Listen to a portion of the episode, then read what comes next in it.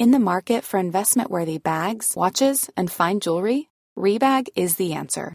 Rebag is a luxury resale platform where each piece is carefully inspected by experts to ensure quality and authenticity. Use Rebag to buy and sell finds from the world's top brands, including Louis Vuitton, Chanel, and Cartier. Head to Rebag.com and get up to 15% off your first purchase as a member with code REBAGNEW. Shop today at Rebag.com. That's R E B A G.com. And use promo code REBAGNEW for up to 15% off your first purchase as a member.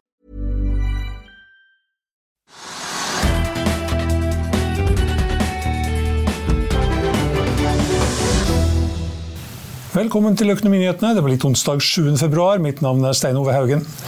Flere store selskaper med Equinor i spissen har lagt fram kvartalstall onsdag morgen, og Rex Silikon kom med en overraskende nyhet dagen før kvartalstallene slippes i morgen. Se aksjekommentator Karl Johan Molnes kommentar på finansavisen.no nå. Mange investorer ble tilsynelatende skuffet over Equinors kvartalstall, og aksjen har på det meste vært ned over 6 i dag. Marius Lorentzen har tatt en prat med konsernsjef Andres Operdal og finansdirektør Torgrim Reiten i London. Vi har også med oss analysesjef Jon Olaisen i ABG Sundal Collier, som mener Equinor-aksjen nå er et dødt case. Først litt om det som skjer på markedene. Hovedindeksen på Oslo Børs den er eh, ned 1,7% nå, til 1251,61. Oljeprisen er opp en eh, halv prosent til 78 dollar og 96 cent eh, allerede akkurat nå. Det er da brent spotprisen. Vi kan også ta med hvordan det står til på børsene i Europa. Her er det ned stort sett. Det er ned 0,4% i London, 0,2% i Frankfurt. Ned ja, 0,12% i Paris, 0,2% i Milano, 0,9% i Madrid. Og da er også Stock 600 ned drøyt ja, 0,13% akkurat nå. På børsene i New York så ligger det an til å åpne flatt til litt opp. Dow Jones her ligger an til å åpne helt flatt, 0,01% ned ser det ut som i øyeblikket.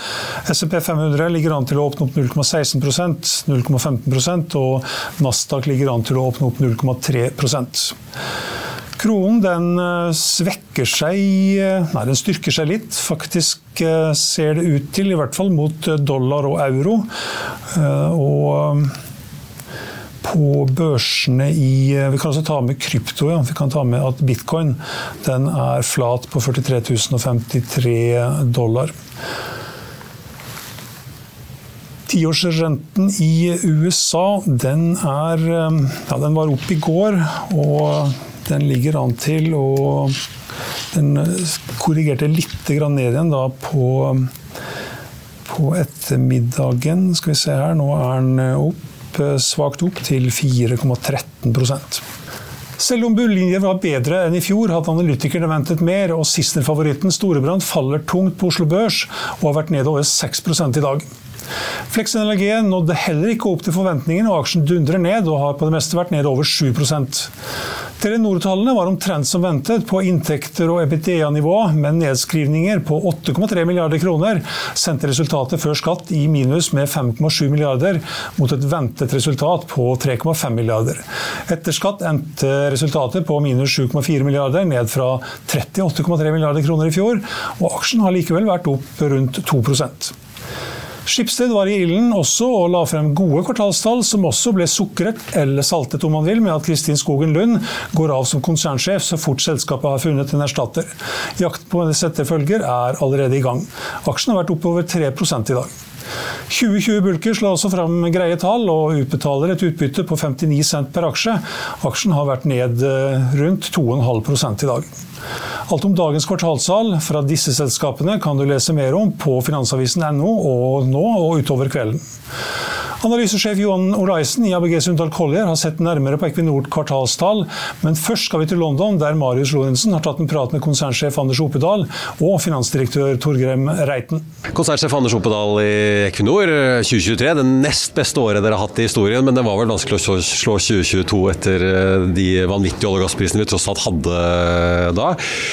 Dere kommer nå med prognoser som går helt frem til 2035. Stabil olje- og gassproduksjon. Eh, er det noe som har skjedd på bakken i Europa som gjør at dere nå vil komme med en slik spådom og satse med den strategien?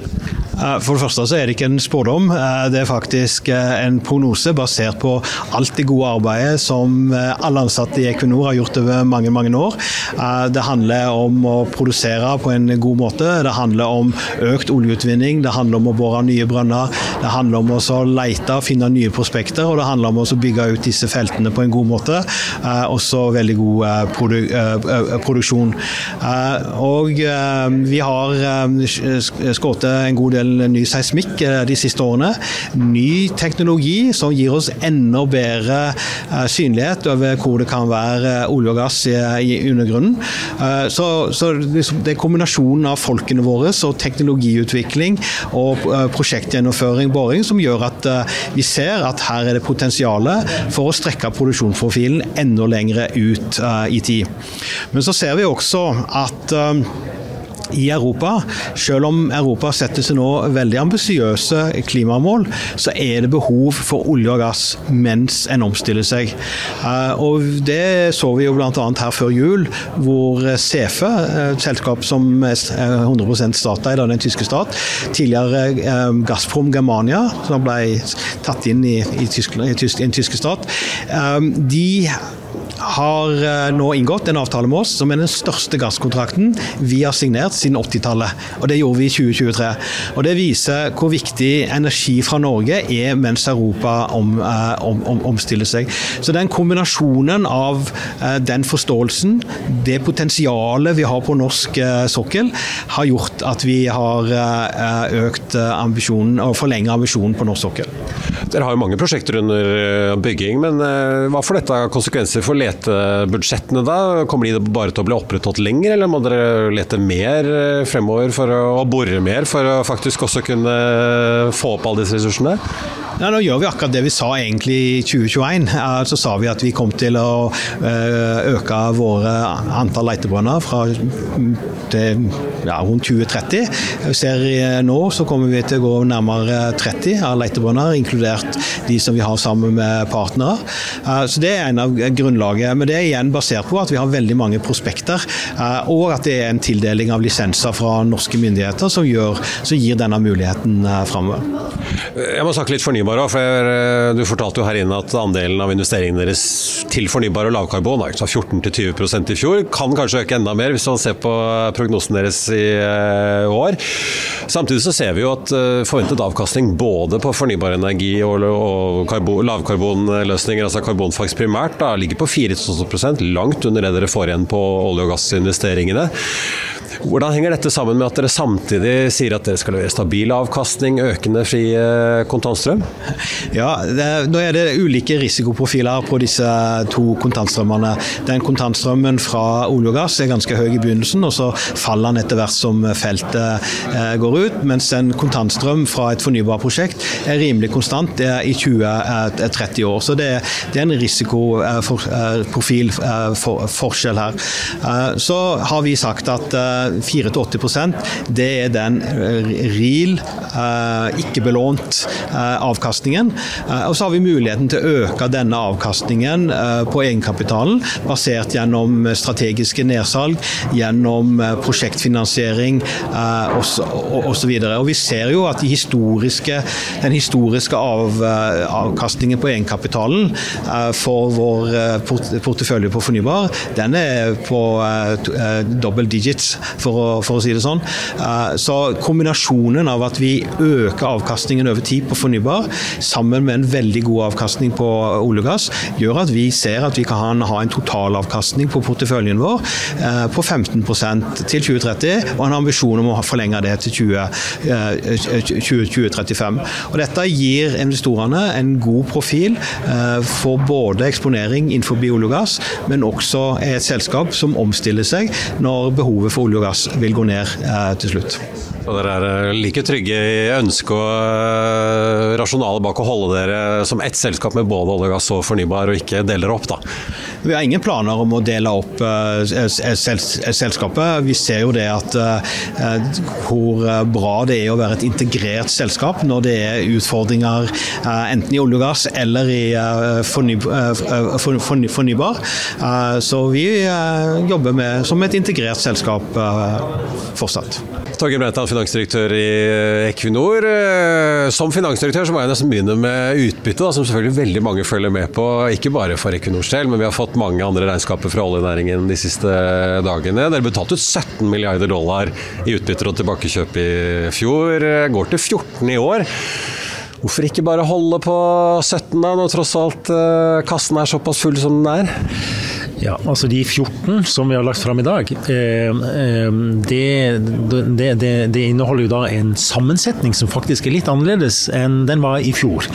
Eh, det som Vi gjør, vi øker jo det ordinære kontantutbyttet med 17% til 35 cent per aksje. Og så skal vi øke den med 2 cent per år utover i tid. Og Det bygger jo på det vi har lagt fram i dag, som er en vekst i underliggende kontantstrøm og en sterk avkastning. Så i det ligger det en veldig sånn sterk forpliktelse langsiktig til å, til å ha et konkurransedyktig eh, kapitaldistribusjon. Um, og så er det et tilbakekjøpsprogram som også er over to år, så det gir en mer langsiktighet i det. Og så sier vi også etter det så sier vi 1,2 milliarder dollar i, i tilbakekjøp og sånn uh, run rate på det. Um, og så er det klart det, altså 14 milliarder dollar. Det eh, gir en avkastning, en yield, på kanskje rundt 17 eh, Og det er svært eh, konkurransedyktig, vil jeg hevde. Eh, og hvis du sammenligner det med andre selskaper i vår bransje, så, så er dette svært, svært konkurransedyktig. Så, så, det vil medføre, altså de planene vi har lagt eh, fram i dag, det vil medføre at gjeldsgraden vår kommer til å gå fra minus 22% nå til faktisk i positivt terreng eh, ved årsslutt. Altså De 17 i fjor øh, var det mye drevet av altså de veldig høye gassprisene vi hadde da i 2022 og de ekstraordinære inntektene. Så det egentlig var et stort avviksår, da, at man i utgangspunktet kanskje bør forvente rundt 14 fremover. da. Altså De ekstraordinære elementene som vi har lagt på bordet i dag, de er også knytta til, til, øh, til, det ekstraordinære året i 2022, sant, som var helt spesielt. Øh, så i år er også et veldig sånn spesielt år, med, med 14 milliarder i, i, tilbakebetaling. Neste år blir også det. Og så legger vi opp til et mer steady state eh, på, på lang sikt. Da. Så dette er fortsatt en, en, en, en, tilbakebetaling til aksjonærer fra en veldig sånn spesiell situasjon eh, etter 20, 2022. For Det er jo spennende tilbakekjøpene her også eh, på 10-12 milliarder i år og neste år. Dere sier jo seks i år, da, så da er det jo enten fire, mellom fire og seks neste år. Er det primært gassprisen i Europa, som vi jo har sett tidligere har gitt dere ganske høy inntjening. Er det det som primært vil være den eh, avgjørende faktoren hvor man havner her?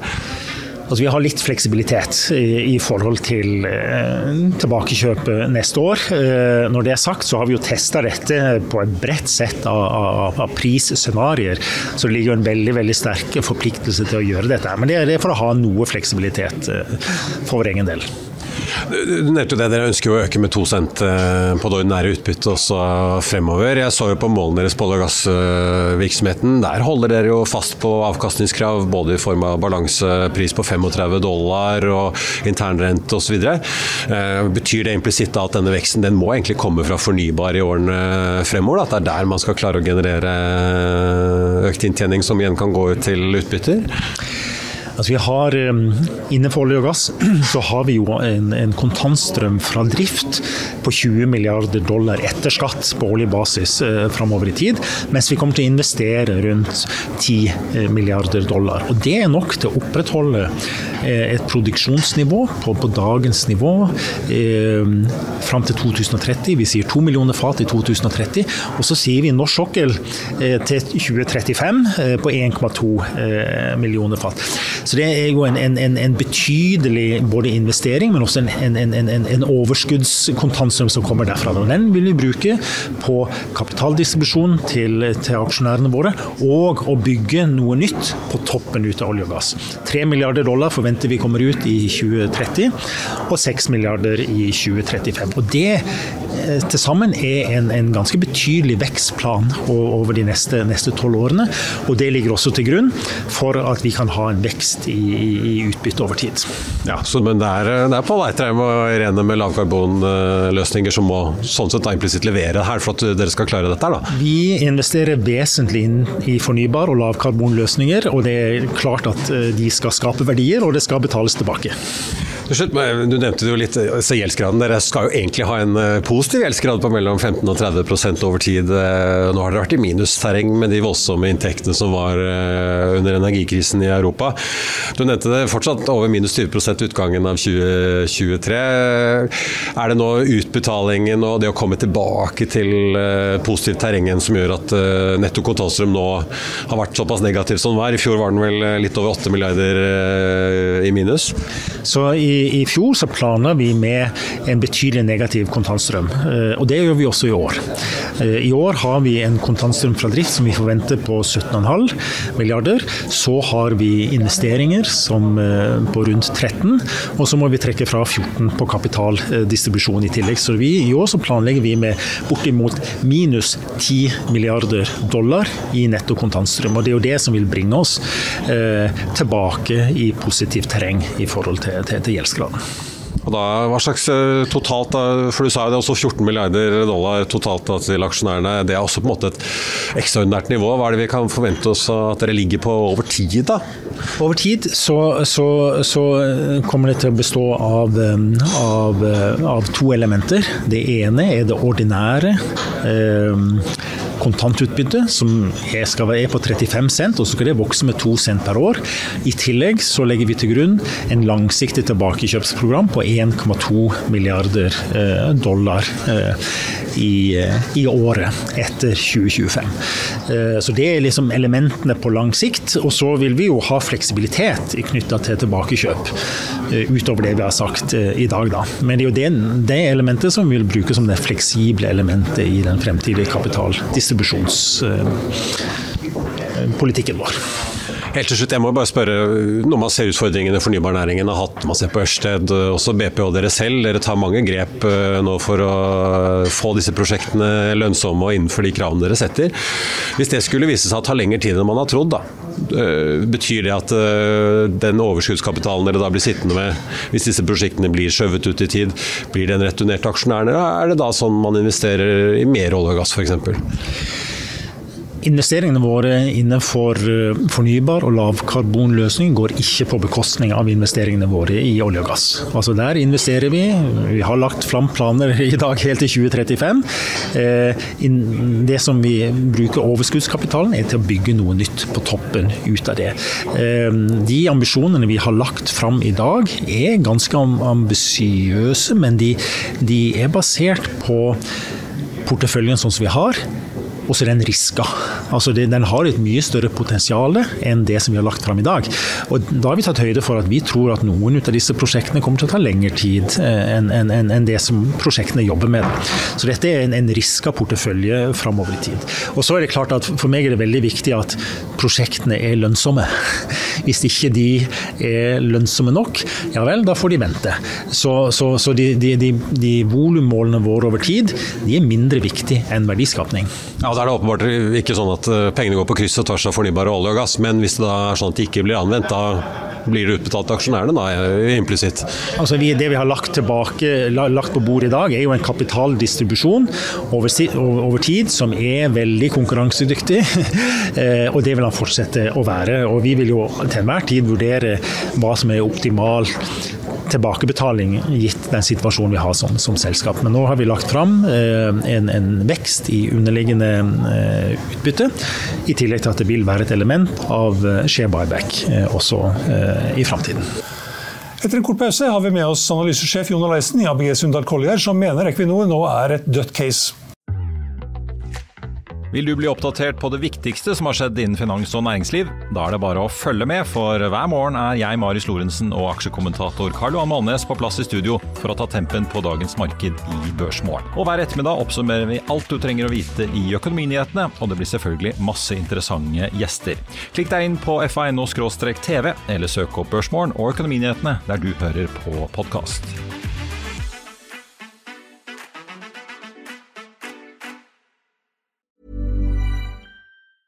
In the market for investment worthy bags, watches, and fine jewelry, Rebag is the answer. Rebag is a luxury resale platform where each piece is carefully inspected by experts to ensure quality and authenticity. Use Rebag to buy and sell finds from the world's top brands, including Louis Vuitton, Chanel, and Cartier. Head to Rebag.com to get 5% off your first purchase with code REBAGNEW. Shop today at Rebag.com. That's R E B A G.com. And use promo code REBAGNEW for 5% off your first purchase. I'll see you in court. Vi sier det ofte litt på spøk, men for deg som driver business, er det aldri moro å innse at du ikke har laget en 100% gyldig kontrakt. Du bør ikke risikere hele firmaet ditt fordi du synes dette med kontrakter er litt stress. En avtale er ikke en avtale. Du kan miste kunder, miste venner, ja, til og med miste inntekter om du ikke lager en skikkelig kontrakt, på alt mulig, egentlig. Men vi vet det er et styr. Kopimaskiner, tregprinter og haugevis av papir. Dessuten stoler vi jo på folk her i landet.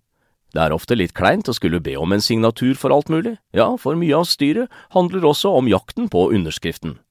Det finnes en enkel måte å løse dette på, Dukkobit, en trygg, effektiv og get this, gratis måte å sikre seg en god natts søvn pluss en juridisk bindende avtale. Dukkobit-appen har de strengeste sikkerhetskrav i bunn, samt en EU-godkjent og sertifisert teknologi. Framover vil det bli behagelig å spørre du, skal vi skrive under på det, eller? Kom i gang på dokobit.no. Ja, da har vi med oss analysesjef Jon Olaisen i ABG Sundal Collier. Velkommen. Takk, takk. Mange, mange ble litt eh, ja, tilsynelatende i hvert fall litt overraska over eh, Equinor-tallene i dag. Hva er ditt hovedinntrykk etter å ha dykka litt nærmere ned i tallene? Mm. Nei, sånn Fundamentalt så er det samme, de guider samme produksjon som de gjorde før på olje og gass i 2030, og like mye produksjon fra fornybar som de gjorde før i 2030. Men i mellomtiden så blir det høyere capex enn vi trodde. Så det er det fundamentale. Så høyere investeringer. Det betyr jo lavere free cash flow og dårlig lønnsomhet. Eh, så det er det fundamentale. I tillegg så reduserer de da utbyttet betydelig som gjør at, at, det er mindre penger tilbake til aksjonærene i, i, 2024. Så det er jo litt skuffende. Så Vi så jo BP i går som økte utbyttet. Aksjen gikk opp 5 eh, mens da Equinor kutter utbyttet og litt høyere capex og faller ned 6% Så store, store forskjeller. Det, det, er veldig liksom hovedtakene. I tillegg så hadde man kanskje trodd og håpet at de skulle redusere fornybarmålene noe. Um, for det er jo slik at lønnsomheten er, er, veldig annerledes på fornybart nå enn, man, enn, det var for to år siden og hva man trodde den skulle være. Mens Equinor står steilt på mål de har hatt i flere år. Finnes jo ikke noe villighet til å ta inn i seg, innenfor seg realiteten at det er dårlig lønnsomhet på fornybart. Som slik som BP og Shell. Ørsted i dag reduserte targets fordi det er ikke lønnsomhet nok. Så alle andre i verden reduserer fornybarinvesteringene, for det er ikke lønnsomt nok. Mens Equinor gjør ingenting. Og det ser ut som det er fornybarmålene i seg selv er viktigere enn lønnsomhet. Det er det investorene nå sitter igjen med inntrykk av etter de slidene som er ute. Nå er jo Captain Marks er jo litt senere i ettermiddag, men det er liksom inntrykket, som også mm. er negativt for aksjen. Gjør du noen endringer i estimatene dine og anbefalingen på aksjen? Nei, Jeg tok den ned til salg her for en uke siden og kommer nok til å, å, å fortsette med det. Men estimatene skal litt ned. Både litt lavere produksjon inneværende år, de guidet flatt, mens vi trodde litt opp. Men ikke minst for de neste tre-fire årene høyere capex uten at det gjør noe på produksjonen frem på denne siden av 2030. Så estimatene skal litt ned, spesielt på free cash flow. Theodor Sveen Nilsen eh, i Sparebank1 Markets han sier til Finansavisen at han er glad han ikke har kjøpsanbefaling. Du har også da salgsanbefaling. Eh, mm. Tom Erik Kristiansen i Pareto han sier at han ikke ser noen grunn til å kjøpe aksjen. Hva tenker du? Jeg tenker det samme. Jeg tror utlendinger vil si at uh, hvorfor i alle dager kjøpe Equinor nå? Gass det er to ting. Liksom Gassdorien er død, i hvert fall nå frem til neste vinter. Eventuelt, for, eventuelt, eventuelt neste hopp i gassprisen er neste vinter. Den er død. Eh, nå, og nå nå er, jo dette dødt òg med at de eller eh, altså case er dødt fordi de, de øker CapEx så mye på fornybart. Man hadde håpet den skulle komme litt ned. Jeg tror case er dødt for foreseeable future. Og hva er... Under, underperformer relativt til internasjonalt relevante peers og, rele og, og relativt til Aker BP eh, og vår. Kommer Aker BP i morgen. Da tror jeg du kommer til å se økt utbytte og stabile utsikter med god lønnsomhet og at penger skal tilbake til aksjonærene. Eh, hva er kursmålet ditt på Equinor da fremover nå? Jeg er 250. 250. Ja, apropos Aker BP, hva venter du der? Nei, som sagt, der, der, forventer jeg at de kommer til å øke utbyttet. Også marginalt, ca. 5% men likevel øke utbyttet. Men så tror jeg også kommer til å være veldig klar på at vi skal gjøre olje og gass, ikke noe annet. Vi skal gjøre det så godt vi kan, betale ut pengene til aksjonærene. Så kan aksjonærene velge om de vil investere i renewable-prosjekter. Det er akkurat, det, akkurat nå er det det, det investorene vil høre fra oljeselskaper. Og så er det sånn at Jeg tror Equinor kan ha, ha noen gode, gode, posisjoner og få, få, en viktig rolle i fornybart òg. Men av og til så bør man se liksom timing på investeringene. Akkurat nå er fortsatt kostnadene veldig høye og villigheten fra oljeselskapene fra myndigheter å subsidiere fornybarprosjekter er lavere. Og Da kan du kanskje holde tilbake, da. slik som alle andre i verden gjør, utenom Equinor. Eh, de, de sa litt om et tilbakekjøpsprogram, hva tenker du om det? Ja, Det opprettholder eh, likt, likt i 20, på 6 milliarder dollar, likt i 24 som 23. Eh, men så kommer det kraftig ned neste år. Da. Jeg tror så, sånn så med, med, dagens oljepriser og de utbyttene sånn, og tilbakekjøpene som indikeres i år neste år, så er de neste år nest, på slutten av 25 nesten i taket på hva gjelder gjeldsgraden som de har som mål om å ha. Og Da blir det enda kraftigere kutt, ytterligere kutt på det utbytte og buyback i 24, og en ytterligere i 20, 20, 25 og ytterligere i 26. Så du har liksom tre år du kan se for deg halv utbytte tre år på rad. Mens i Aker BP så er det motsatt. Her kan du forvente økt utbytte. Exxon, BP, nesten alle andre oljeselskaper i verden, så får du økt utbytte. Du, her har du momentum med tre år med fallende utbytte. Da kan du ikke prise på dagens utbytte eller neste års utbytte når du vet at utbyttet skal ned. Aksjen er ned 6% nå. Var det venta? Godt fortjent, eller holdt jeg på å si. Det, jo mer jeg ser inn i tallene og ser hvor mye impacten blir på cashflow på estimatene fremover, jo mer, mer føler jeg at det er riktig. Tusen takk for at du kunne være med oss, Jon. I Finansavisen i morgen kan du lese Trygve Egnars leder om at det å eie SAS-aksjer er for dummies, om striden i Wilhelmsen-familien som fortsatte i retten i dag, om inflasjonen som kanskje stiger igjen nå, om aksjonærene som ikke kan forstå at ikke Nordic Semiconductors-aksjen skal opp igjen, og om aksjen som Warren Buffett tror lett kan doble seg. Det var økonominyhetene her på Finansavisen onsdag 7.2. Vi er tilbake igjen her med Børsmorgen i morgen klokken 8.55. Og da har vi med oss konsernsjef Anders Lenborg i Cloudberry. I Økonominyhetene klokken 14.30 har vi med oss konserndirektør fornybar i Equinor, Pål Eitreheim. De siste nyhetene i økonomi, finans og børs får du minutt for minutt på finansavisen.no. Mitt navn er Stein Ove Haugen. Tusen takk for at du så på og hørte på, og håper du er med oss igjen i morgen også.